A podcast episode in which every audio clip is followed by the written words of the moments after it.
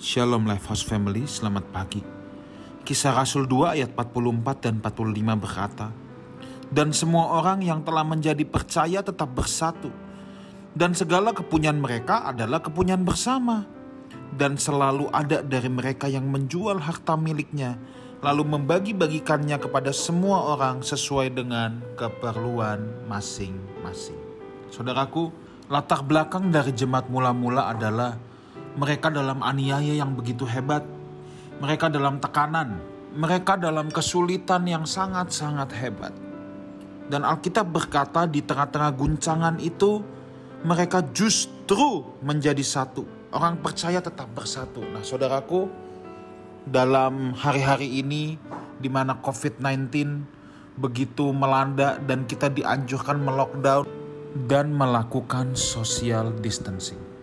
Saya tidak menentang social distancing, tetapi satu hal yang kita harus waspadai adalah jangan sampai isolation spirit masuk di sini. Spirit isolasi, spirit yang merasa saya hidup untuk diri sendiri dan saya tidak perlu berinteraksi dengan orang lain, spirit yang membuat kita sangat independen. Ini harus kita waspadai. Krisis boleh ada, social distancing boleh kita lakukan, tetapi isolation spirit tidak boleh masuk di sini.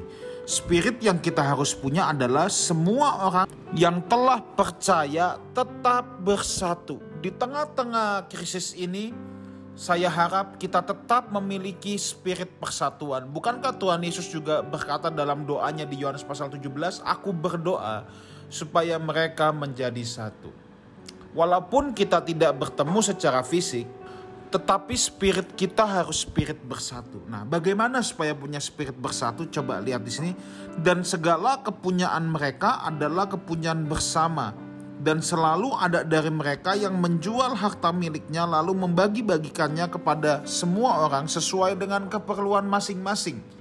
Hal ini yang saya maksudkan bukan berarti kita menjual semua harta kita, bukan. Tetapi kita tidak boleh tutup mata atas kesulitan-kesulitan yang melanda saudara-saudara kita, orang-orang yang di sekeliling kita, orang-orang yang Tuhan percayakan kepada kita.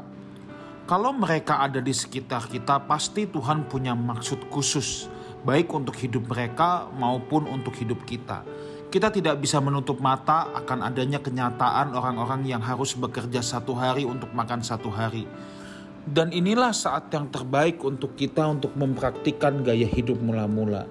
Saudaraku, kalau kita ada di posisi berkelebihan, sekaranglah saatnya untuk kita mengulurkan tangan untuk saudara-saudara kita yang dalam kesulitan, yang sangat terimbas dengan goncangan ini, dengan apa yang terjadi hari-hari ini Saudaraku, inilah kesempatan kita untuk menyatakan Kristus bagi dunia. Inilah saatnya kita. Tuhan sedang mengajak gerejanya untuk mencoba lagi kembali ke gaya hidup jemaat mula-mula.